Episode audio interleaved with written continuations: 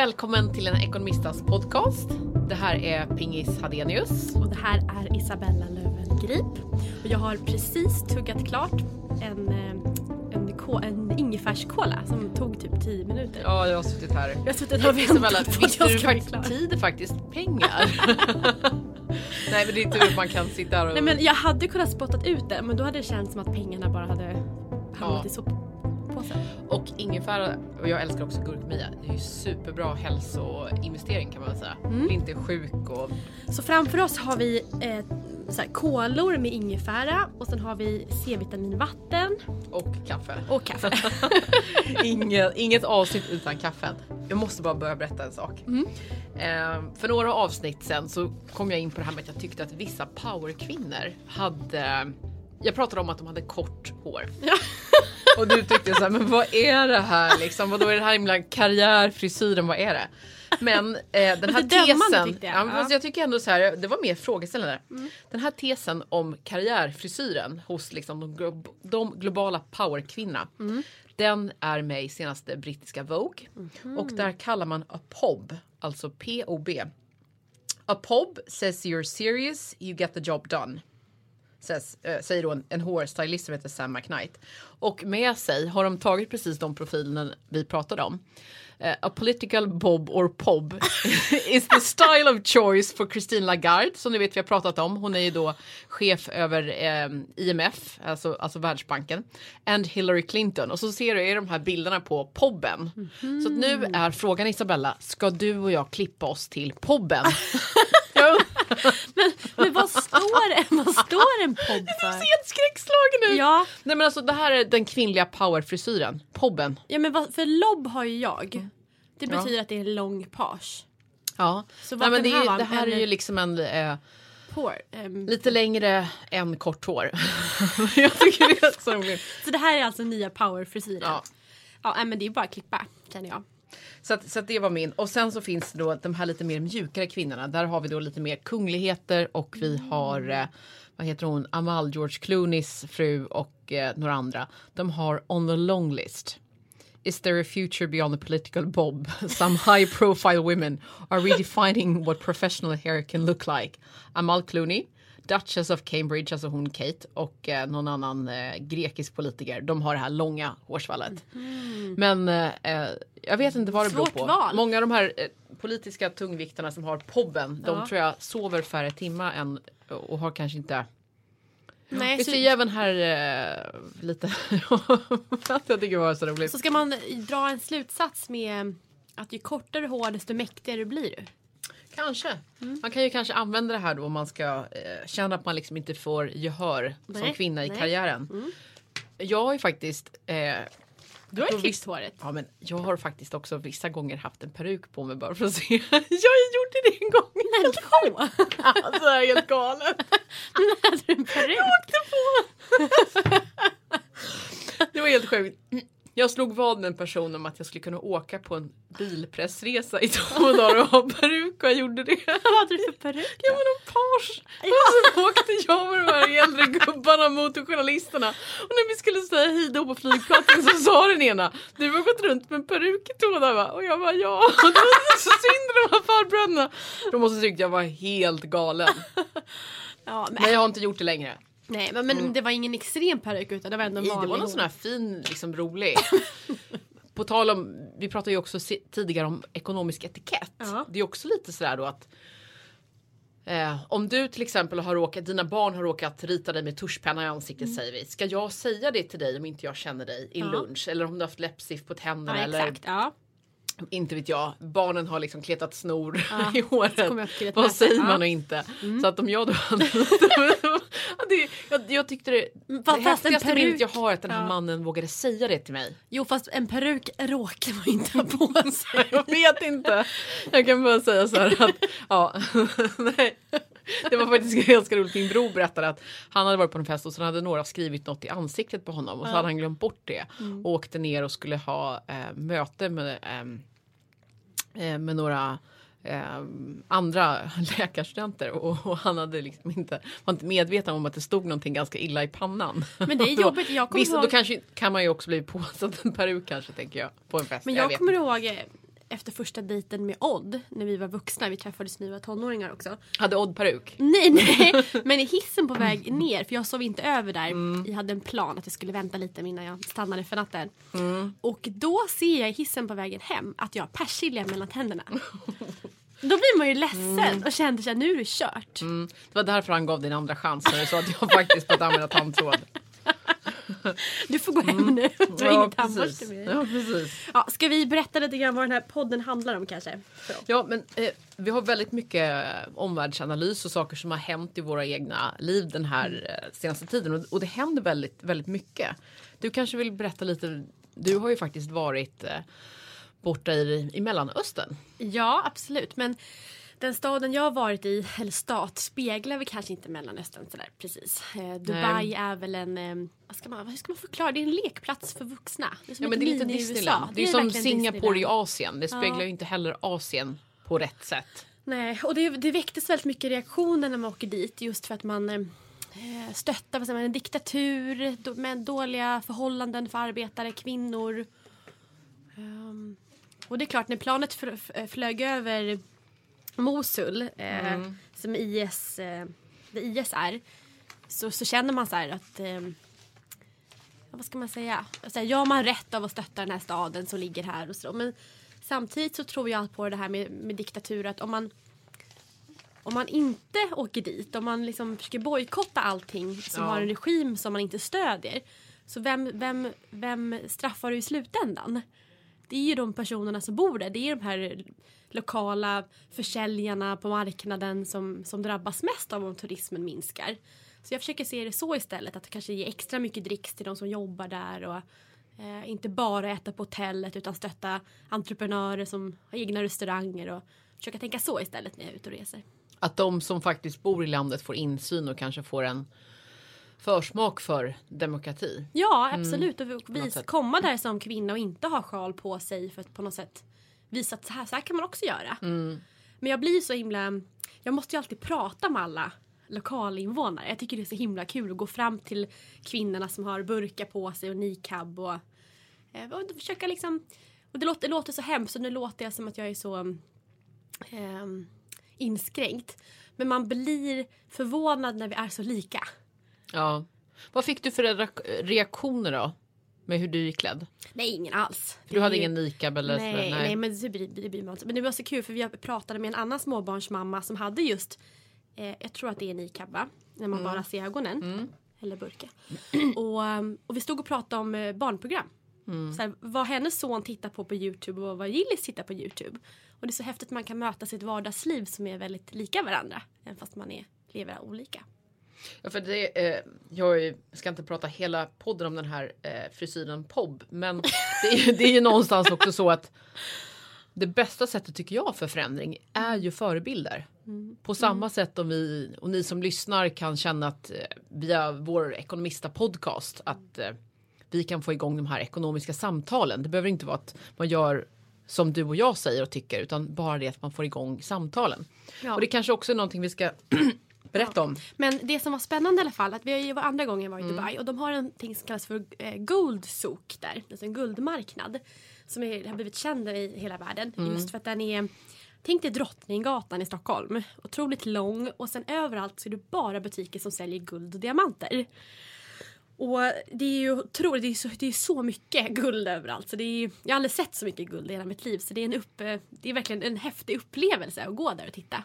Och så ser man alla ryssar som bara köper hur mycket som helst. Och, och sådär. Men där, i alla fall, där kan man göra ganska bra klipp. För att själva guldpriset kan man inte pruta på för den är ju alltid densamma. Ehm, men däremot så själva tillverkandet eller tillverkningsdelen av kostnaden på en ring eh, den kan man pruta på upp till 30 så det blir mycket billigare att köpa smycken där Och borta. hur vet att det är just 30 procent?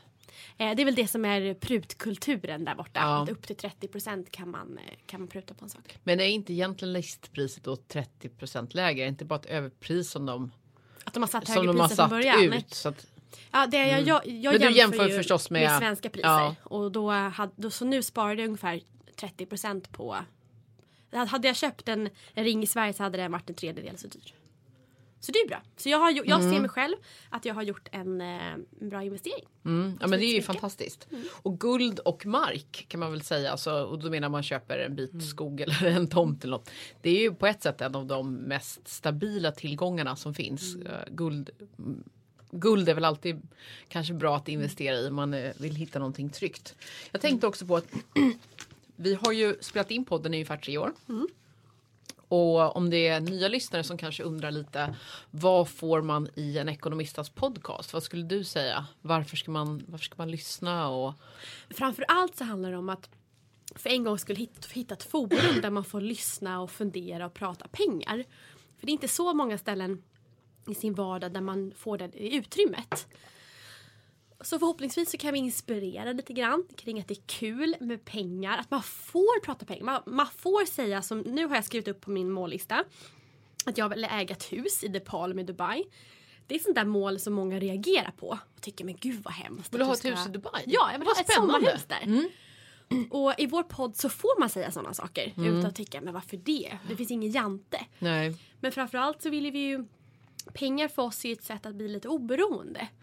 Att man kan säga upp sig om man inte trivs med sin chef eller bor man någon, med någon som man vill lämna. Att man har råd att bo själv. Att, eh, för mig är pengar en trygghet och verktyg att kunna göra det jag vill. Så det jag hoppas på med folk som lyssnar är att känna att pengar är kul. Och våga sätta sig in lite mer och speciellt kanske våga köpa sina första aktier. Mm. Så tycker jag var kul om man vågar. Och det går inte att förstärka tydligare liksom att pengar är lika med trygghet. Och när man har en trygg ekonomi, man behöver egentligen inte vara så intresserad, men att förstå att det är den enda saken i livet man fullt ut kan kontrollera. Och har man ekonomin på det torra, man inte är ekonomiskt stressad, då kan man göra de livsval man vill. Och den kunskapen känner jag inte så många förstår ännu. Nej. Och jag vill öka den. Det behöver inte vara att man lyssnar bara på oss men att man vågar börja diskutera det med folk mm. i sin omgivning. Jag har alltid haft ett väldigt obekymrat förhållande till pengar och alltid sett det som kul och som en lek. Mm. Men om man har ett eh, stressat förhållande till pengar så finns det, om man gräver, alltid ett samband från barndomen och det är viktigt att, att gå tillbaka på det. Och det kan man ju se på andra områden. Min eh, syster berättade för mig häromdagen, jag, jag var bara fem år så jag hade helt glömt bort det här. Mm. Att hon och jag hade ett sminkföretag när vi var, eh, hon var åtta och jag var fem. Och sen så tydligen så, eh, vi le lekte med två tjejer som heter Lotta och Sara Jansson. Och då så hade vi, vi malde tegelstenar och sten på vår tomt mm. och förpackade det tydligen det här terrakottapudret eh, i, i urdiskade leverpastejburkar. Och min oh. syster hade gått och oroat sig över, för hon var alltså åtta och jag var fem. Och det hette då Janius, eh, Jansson och Hadenius. Och min syster var sur för att det inte hette mer Hadenius. Men hon hade då gått med med Lotta och sa att det skulle heta Janius. Och sen var hen, och tyckte hon att en av Lotta och Sara inte malde tillräckligt mycket. Att vi, hur skulle vi göra för att anställa fler så vi kunde tillverka mer puder? Och att de här förpackningarna skulle vi faktiskt kunna sälja dem. För leverpastejburkar med terrakottapuder skulle det gå gå att vi skulle behöva hitta en ny design. Mm. Det är Men bra att plocka fram de här ekonomiska minnena. Ja. Och det kan också handla om vilka jobb man gör, eh, vad man faktiskt också vill jobba med. Mm.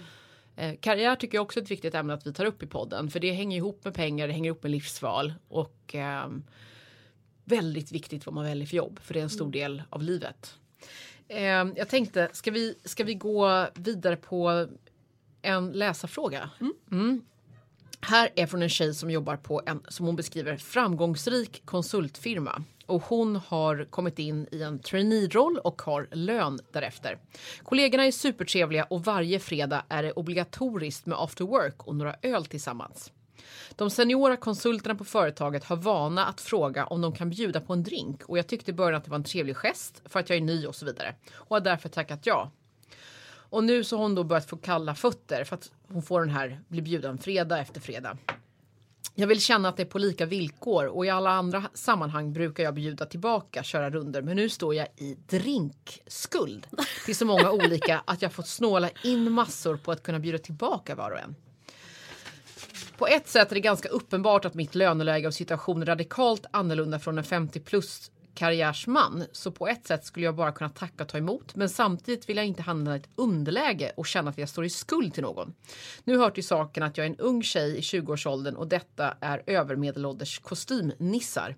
Så det kanske mm. också bidrar till min skumma magkänsla. Mm. Obs, det har aldrig skett med någon slags underton av flört att vilja ha något gengäld, alltså kollegorna. Tycker ni att jag bör ta upp detta med mina generösa kollegor och i så fall hur? Eller ska jag helt enkelt tacka nej framöver till drinkrundorna? Ja, vad säger vi om drinkskulden, Ja, Isabella? kan- jag, jag förstår helt och hållet. Eh, jag hade gjort så här. Att eh, jag hade satt upp en någon lapp eller på något, skrivit någon på något internt ställe att eh, dagens, eller fredagens AV som kommer nu så börjar vi på kontorets kök där du sen köper upp någon, en, två flaskor bubbel eller det som krävs för, för räcka. Det blir oavsett mycket, mycket billigare än att ta rundan på krogen. Och sen hade jag sagt att liksom, vet ni vad? Jag vill bara tacka för att eh, jag får kanske jobba på det här företaget och ni är så generösa på mig på våra trevliga AV. Och det här är mitt sätt att, att bjuda tillbaka. Eh, och så kör man lite bubbel på kontoret istället. Det skulle också. Jag skulle också eh, jag skulle prata med min närmsta chef och förklara läget och säga som jag, som jag känner och frågade också om jag är relativt ny i rollen. Vad är kutymen här? För att jag menar, jag har inte samma ekonomiska läge. Sen bör man ju också kunna hinna, hitta några andra kollegor i samma ekonomiska situation och löneläge som man kan gå ihop med som du säger att köpa upp och göra någonting på kontoret. Man skulle ju också kunna göra som så att säga, säg att man har ett måndagsmöte som vi, vi hade vårt veckomöte den här veckan, lite senare i veckan. Då hade en kollega bakat. Man skulle också kunna göra så, säga, komma in en måndag och säga, hörni, jag bjöd inte på en drinkrunda i fredags, men istället så bjuder jag på Varma bullar, idag. bullar. Ja. Man behöver inte heller vara samma samma. Jag Nej. tycker det viktiga är att man är rättvis. Så att om du tjänar två gånger så mycket som jag så ska du, om jag då betalar hälften så mycket som du så lägger vi lika mycket. Ja. Att inte glömma bort det, att, att det behöver inte vara ett för ett hela tiden Nej. utan att det ska vara relativt Mm. rättvist. Och sen det handlar ju om jag tror, jag tror inte att de här 50 plus gubbarna ens tänkt en tanke på att du som 20 plusare ska bjuda tillbaka. Ehm, Men utan det, däremot så tycker jag att det är en, bra gest av dig att bjuda på någonting oavsett om det är bullarna eller en flaska bubbel på kontoret.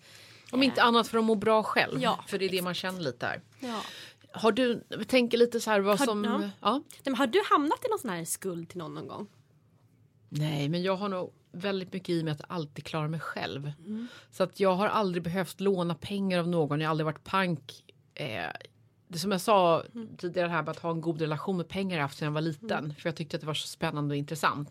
Och jag började spara så tidigt så att jag har nog tvärt emot varit utlånaren. På så vis att jag Mm. menar, sålde godis till mamma, du vet så här, som jätteliten. Lånade ut pengar till min syster. Så att det har varit fler som har varit i skuld till mig. Mm. Vi får se. Men eh, jag kan väl i och för sig ibland, ibland känna att min man hjälper mig med väldigt många saker.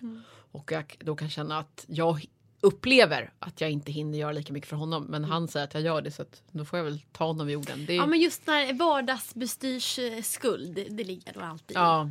Absolut. och den är- gör den är jobbig. mer. Ja den är jobbig. Men eh, en sak på tal om omvärld och, och makro som jag har tänkt på. Jag tycker faktiskt att det är lite kul att det händer. För att i Sverige är det ganska lätt att starta bolag och det är schyssta och jämna villkor. Men i USA så har man märker att det, det är tufft att starta bolag och många av de här amerikanska jättarna, ta Apple till exempel, har väldiga skattelättnader. Och nu så har eh, eh Europakommissionen gått på Apple och krävt in eh, att de ska betala mycket, mycket högre skatt och, och till Va- Irland. varför det? Ja, men de håller ju på med ett, kan man säga, ett, ett planerat eh, skattefusk kan man säga. Hon flyttar runt sina vinster utomlands eh, där, det, där det är så att säga eh, smidigt och, och låga bolagsskatter. Ta till exempel Irland och Holland. Så bolag som det handlar om till exempel är Amazon, eh, Apple, Starbucks och eh, Google. Och då lägger ju de sina mm, länderna de beskattar i. Då. Amazon har gjort i Luxemburg, Apple i, Irland, Starbucks, eh, Holland och eh, även Google är på, på Irland. Där, och det är små länder som försöker få dit stora bolag för att det också ska ge jobb. Men ja, ja, jag bara tycker att det är faktiskt lite kul att, att följa det här och se lite vad som händer och att faktiskt att det skapar en, en schysstare marknad också för att mindre bolag kan ju inte kriga mot de här jättarna i konkurrens. Det är ju som för oss om det, det hamnar i våra bolag. Så det tycker jag är lite intressant att följa. Fast samtidigt i Sverige så har vi haft en annan debatt till exempel med så här personaloptioner för Spotify.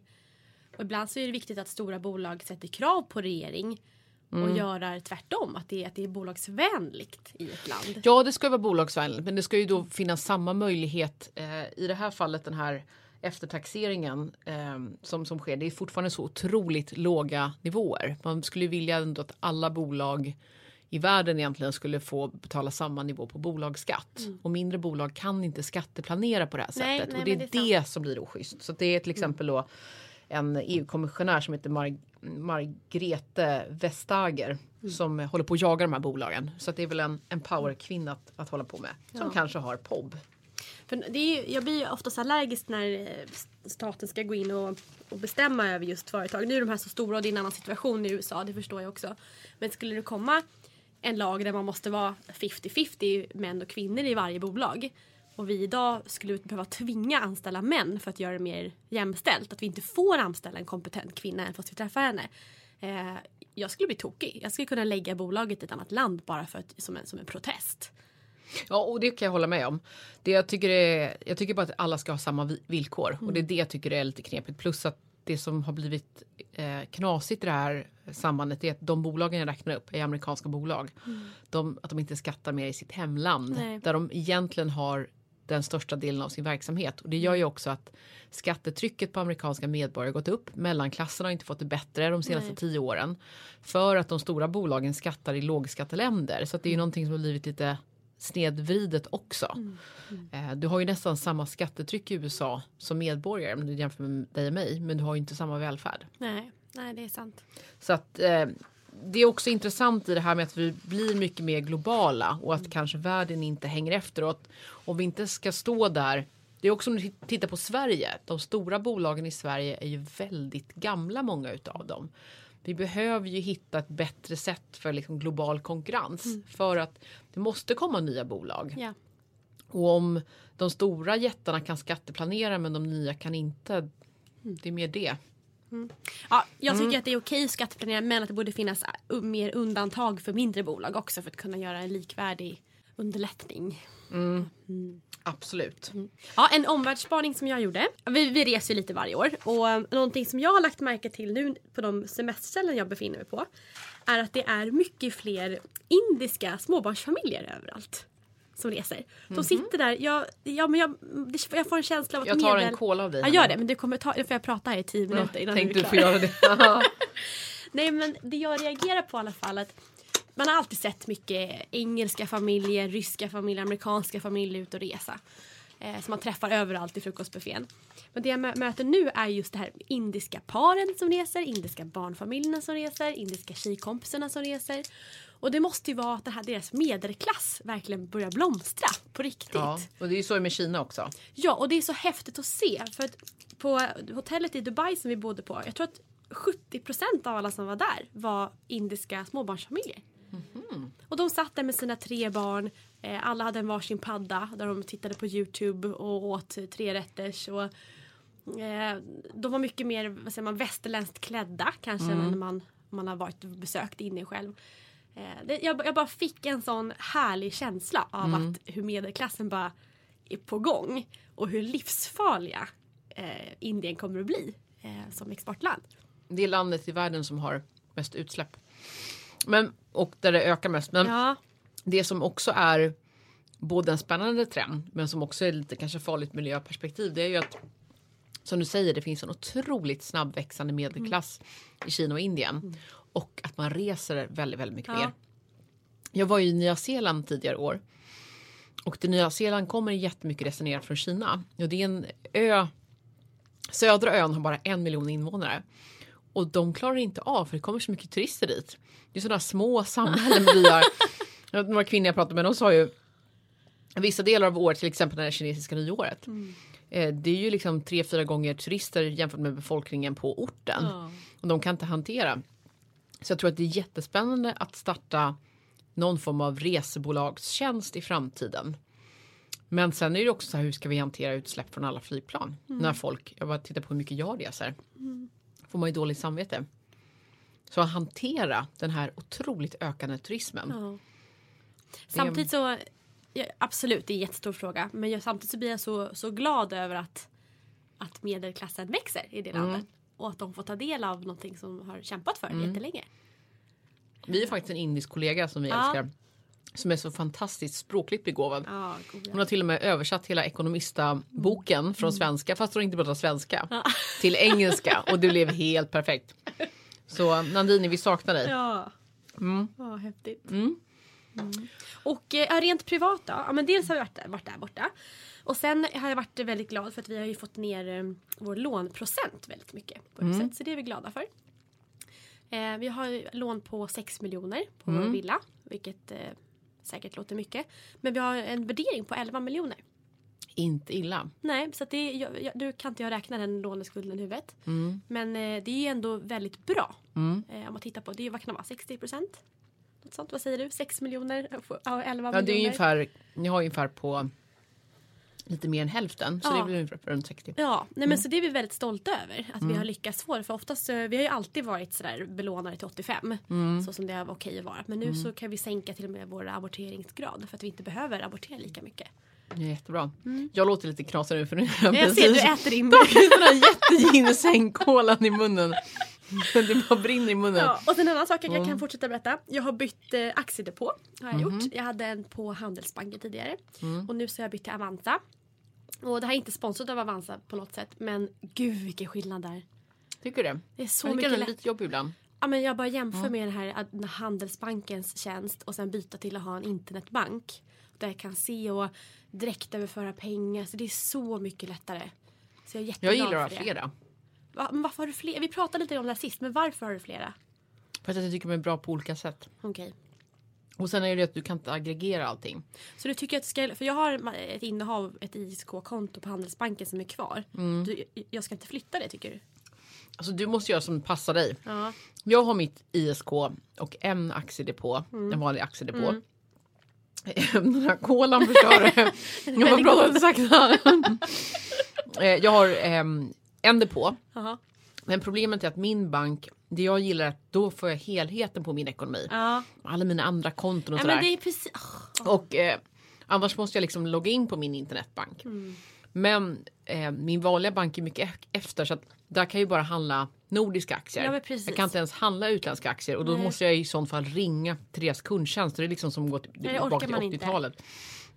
Så att eh, man ska titta på mm, alltså hur ens aktieaffärer ser ut Mm. tycker jag. Och var försiktig med för att alltså vissa av storbankerna tar jättehöga courtage på till exempel utländska aktier. Jag fick någon fråga om det på bloggen häromdagen. Och det är ju jättedumt då att betala ett jättehögt Ja, courtage. oh ja. Men där har ju Avanza, om det, är det är noll kronor i courtage om det är under 50 000 kronor. Mm. Det är nog samma på alla internetbanker. Okej. Mm. Det var också ganska intressant. Man borde ha köpt Nordnet-aktien. Nordic Capital ska köpa upp bolaget. Mm. De ska vi träffa nästa vecka. Mm. Men ja, jag kan inte säga annat än att jag gjorde en jättebra förhandling på ett hotell jag var på. Ja. Och lyckades eh, få, få stora avdrag. Och det Du lyckas återigen- alltid med det tycker jag. Ja, men Ja, du klagar på att det är för om- hög ljudvolym. Och... Det handlar om att, att eh, fråga. Jag hade fått ett prisavdrag och så, så borde jag inte få det här till och stod där och räknade och fick med mig dem i receptionen liksom på att, att de också skulle räkna. Det handlar kanske inte alltid heller om förhandla men också att inte bara skriva under. Nej. Får man en nota på restaurangen, kolla har de eh, lagt på det som jag har beställt och inte tagit fel betalt. Det händer ganska ofta att man får en nota där de kanske råkat slå in någonting på ett annat bord. Ja. Eh, och eh, att man inte bara skriver under. Så kolla, våga alltid fråga om priset. Det är en sån här gyllene regel. Och jag blir så glad efteråt. Absolut. Ska man spendera det på något annat. Mm. Ja. Men tack ni som lyssnade. Vi hörs nästa vecka igen. Ha det så bra. Hej då!